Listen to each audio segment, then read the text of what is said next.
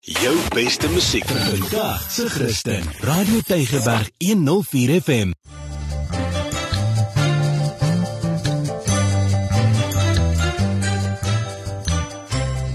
Baie welkom by die getuienis. Ons kuier vandag saam met 'n pa en 'n dogter. Wat 'n voorreg om 'n pa en 'n dogter saam te hê om 'n getuienis te deel. Ons is saam met Nico Leroux en sy dogter Clarice Leroux wat hulle getuienis gaan deel waar sy vir Jesus ontmoet het toe sy net 3 jaar oud was. Kom ons begin nou eers oom Nico wat nou die wonderwerk ken wat in Clarice se lewe gebeur het van dat sy al gebore is, was daar al 'n wonderwerk op haar lewe. Vertel net vir ons so 'n bietjie van daai eerste wonderwerk. Daar's eintlik 'n paar wonderwerke, maar die een wat my eerste bybly is die heupgenesing wat sy gehad het. Clarice is gebore met 'n ontwrigte heup. Ons het op 18 maande dink ek het ons agtergekom dat sy nie kan loop of kruip nie. En toe by die ortopeed uitgekry, toe gevind dat die dokter by geboorte nagelaat het om te kyk na die heup. So die een heup was heeltemal uit die regterkant se heup en uh, sodoende was die een been omtrent 'n duim na 2000 op korter as die ander ander ander been en uh, dadelik moes ons besluit gaan ons wag vir 'n miracle of gaan ons na dokter toe vat. Nou soos 'n pa wat in geloof staan, het ons daagliks in geloof gestaan. Ek het al 5 dae agter mekaar by die radio logie ouens gehad om plaas te neem. Elke dag dan sê die dokter vir my nee, sy's nog nie reg nie. Dan bid ons weer, volgende dag vat ek haar terug in geloof verstaan vir God. Toe het iemand profeties vir ons gesê dat hy sien dat die Here in 'n in die operasie sal gaan gesond maak. Nou ja, uiteindelik het ons saag gesê luister vir die ortopeed, sy moet nou maar ingaan vir operasie. En die dag van die operasie het ek my vrou buitekant gesit wat 'n 3 ure operasie moes wees, het uh, verander na 29 minute operasie. Maar dit was toe nie operasie nie. Die dokter Gys de Beer, ek sal onthou sy naam ook, het uitgehardloop en gesê die Here het 'n miracle gedoen in die operasiesaal. Fantasties. Presies wat die profetiese ou gesê het. Maar wat gebeur het is ehm um, sy het in traksie gelees so 3 dae voor die tyd. En toe dokter Daniel Heinz, die dokter wat betrokke was, die ortopeed, sê man ek wil net kyk op die sonaar net hy het eers die mes opgetel blykbaar om te sny. Sit hy die mes neer. Sy iets sê vir hom. Hy moet net kyk uh of die bene ewe lank is. Toe die bene so trek na mekaar toe toe glip die heup in. Ag, oh, fantasties. So voor hy opereer het die heup ingeglip. En sodoende moes Clarice vir 3 maande in uh hulle moet spieka gips moes hy bly in en wat uh awesome was is dat um sy vir 3 maande op haar pa se uh heup en haar pa se maag geslaap het. Want sy moes bo op my slaap, sy kon nie ander manier slaap nie. So daar's 'n baie nou band wat gekom het daarso. Maar tweedens toe die gips na 3 maande afkom, toe is die werklike miracle wat gebeur. Terug na dokter Daniel Heinz toe en hy sê luister Nico, uh die volgens die ekstrale en volgens die metings is daar nog 'n duim korter die een been as die ander ene. Hierdie beentjie is nou sonder plate, sonder drade, is hy nou herstel. Maar sy gaan moet 'n opgeboude skoen dra die res van haar lewe. En ek het sê goed dok, ons sal ons sal terugkom na dokter. En ek het haar gevat huis toe, op 'n stoel gaan sit. Ek en my vrou was alleen saam met haar. En ek het vir gesê gee my jou beentjies, dat pappa kyk hoe ver kort is hulle. En ek het eers gebid nie. Ek het gesê dankie Jesus. In die volgende oomblik toe groei hierdie been verby die ander ene. Met my kinderlikheid sê ek die Here nee, reverse hom asseblief. en wat gebeur het is toe nou die hulle het presies in line en ek het die volgende dag weer terug gaan dokter toe sê dok meet net die kind se bene. Toe sê hy manetjie as nie 'n halwe millimeter uit nie. So as die Here werk doen, dan doen hy goeie werk. Absoluut, absoluut. Amen. En geloof. In geloof. Dit vat geloof en krag in gebed, nê. Nee. Dit is so. Jette maar nou op 3 jaar oud het jy ook ietsie ervaar en jy kan nie baie daarvan onthou nie. Dis hoekom jou dad vandag instaan om jou te herinner wat gebeur het. Vertel net vir ons 'n bietjie saam wat het gebeur op 3 jaar oud. 3 jarige ouderdom het ons op my broer se plaas gaan kuier in Kuruskop, Tabazimbi. En uh Clarice het skaars begin loop om as gevolg van die heup en so. En ons toe nou daar was vir 'n jagtrip saam met mense van die kerk. Ek was in die jagveld en toe word ek geroep uit die jagveld uit dat Clarice in die vuur geval het. En dit was die oggend se ontbyt. Al die kole was nog, jy weet die bosvelders maak uh vuur op die grond met klippe om. Die jagplek en uh sy het om geloop, my vrou het op 'n stoep gesit om die kole geloop en volgende oomblik toe lyk dit of iemand instamp in die in die vuur. Toe sien 'n geval in 'n hand gedruk op die kole om op te staan met op een beenetjie ook.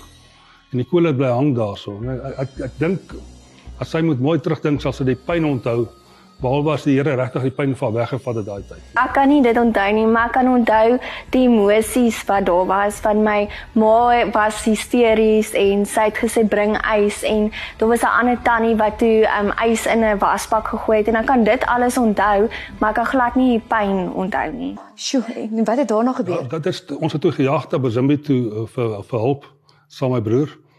En daar gekom by die apteker, sê Nico, vat haar terug huis toe. Dis tweede derde graad se brandwonde, haar naels was weggebrand. Haar vingers het so spiesangs gelyk, het so gehang het. So dis net vleis gewees, daar was nie velle nie. Die been was baie diep gebrand gewees. En so dit doen het ons ons gaan pak en teruggejaag vereniging toe waar dieselfde dokter wat die heup gedoen het. Vir ons gesê het luister, ons sal haar opneem in teater want sy moet skoon gemaak word. En kyk wat se skare is daar. En nou ja, toe hy uitkom en na klas skoon gemaak het, ek sal nooit vergeet nie, het hy vir my gesê Nico, ek weet nou wat jy vir my gaan sê want jy kyk alles geestelik. maar ek sê nou vir jou, behalwe met die hulp van die Here, gaan hierdie kind nooit 'n hand kan gebruik nie. Haar naels is permanent weggebrand. Sy tweede derde graad se brandwond opgedoen, al haar seënings is weggebrand, al haar spiere is weggebrand. Al wat ons kan doen is die swelsel sak, dan gaan ons vir haar veloorplanting doen, dat haar handjie net mooi lyk. Maar sy sou nooit kan buig, die vingers kan buig nie, niks nie. Nou ja, ehm um, toe hy klaar gesê het, toe sê ek dok baie dankie. Wil jy ontslaan vir my asseblief? Toe sê hy nee nee nee nee nee, jy verstaan verkeerd. Die swelsel moet sakke gaan ons 'n spesialis moet inkry. Baie delikate operasies. Sê ek dok, wil jy nie vir my ontslaan nie asseblief? Uiteindelik na 'n lang gesoebat het hy my gehelp om Clarice te ontslaan by die hospitaal uit. By die huis gekom het ek 'n uh, oproep ontvang van my broer van Tabazimbi af. Andrei waar die voorval gebeur het. En hy het vir my ding gesê wat ek nooit sal vergeet nie. Dit is nog op die lang klein gewees. Hy sê broer, ek bid dat liewe Jesus vanaand vir Clarice sal kom besoek. En daai woord het waar geword. Dis wat hy uitgespreek het en geprofeteer het en verklaar het. En die die aand toe ons gaan slaap, toe ehm um, ek ek weet nie of Clarice dit onthou nie, maar die aand toe ons gaan slaap, die ek dink die medisyne is naams Fenergan wat jou so 'n bietjie uitsit met pyn En ek het nie speltjies gehad om maar maar verbande toe te draai, die verbande toe gedraai, maar toe het ek masking tape gevat en dit toe te plak op haar bene en op haar hand. tussen my en my vrou in die bed, tussen my en Ansie. Slaap toe en so na 5:00 die oggend. Uh toe staan ek op om badkamer toe te gaan. En ek val toe oor verbande en masking tape sit in my tone vas toe ek loop. En toe ek terugkom toe besef ek, jong, hierdie is nie 'n droom nie. Hierdie is werklikheid. Ek het toe nou die duwy opgelig en eers kyk gekyk na 'n beentjie, toe sien ek daar's 'n pink vel oor haar been. Maar toe besef ek nog nie wat gebeur nie. Ek haal toe 'n handjie uit, maar ek haal toe die verkeerde hand uit. Ja, ek haal die regte hand uit, die regterhand. Maar ek sien hy's baie pink. Maar dit kan nie hierdie hand wees nie, moet die ander hand wees. En ek haal die ander hand uit en ek sien albei hande, toe word sy wakker. En sy sê vir my, "Pappa, kyk hierso." En daai daai hand kon nie beweeg nie. Hy kon nie stoemaak nie. Daai swelsel wat so dik was is weg. Perfekte hand. Perfekte dun velletjie, dun uh pink velletjie oor.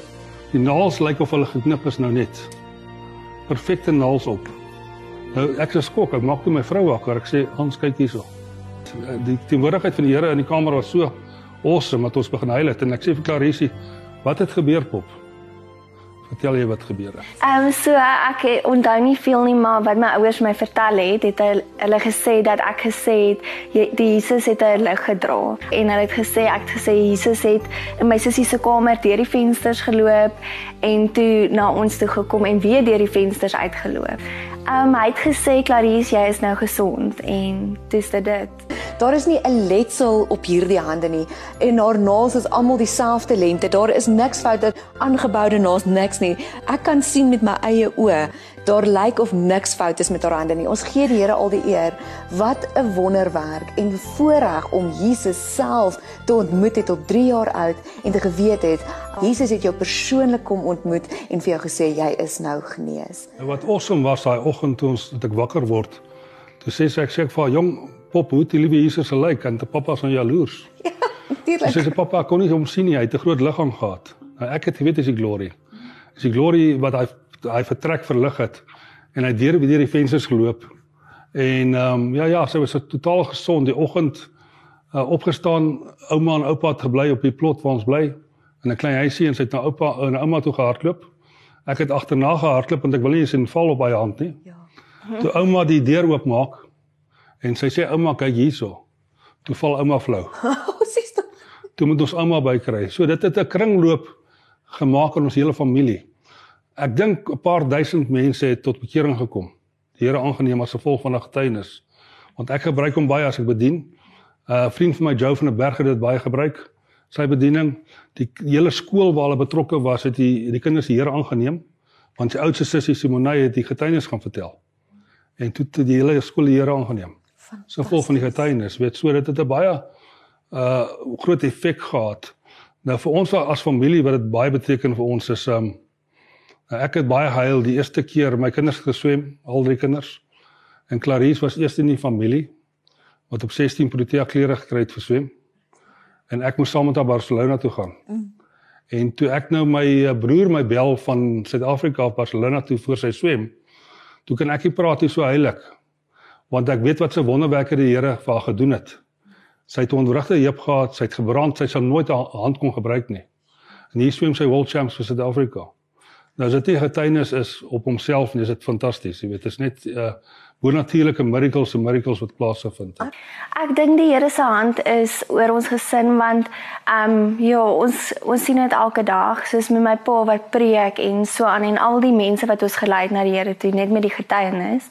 En um, met my sport en eintlik my hele lewe kan ek voel dat die Here se hand in alles het. Niks is onmoontlik by die Here nie. Dankie ook oom Nico vir jou getuienis. Moet asseblief nooit ophou om mense te bedien en vir hulle te wys dat Jesus is werklik nie. Ons wil net vir julle sê baie dankie vir julle tyd. Baie dankie dat julle deel was van hierdie getuienis. Ons gaan julle dan nou groet tot 'n volgende keer. Shalom.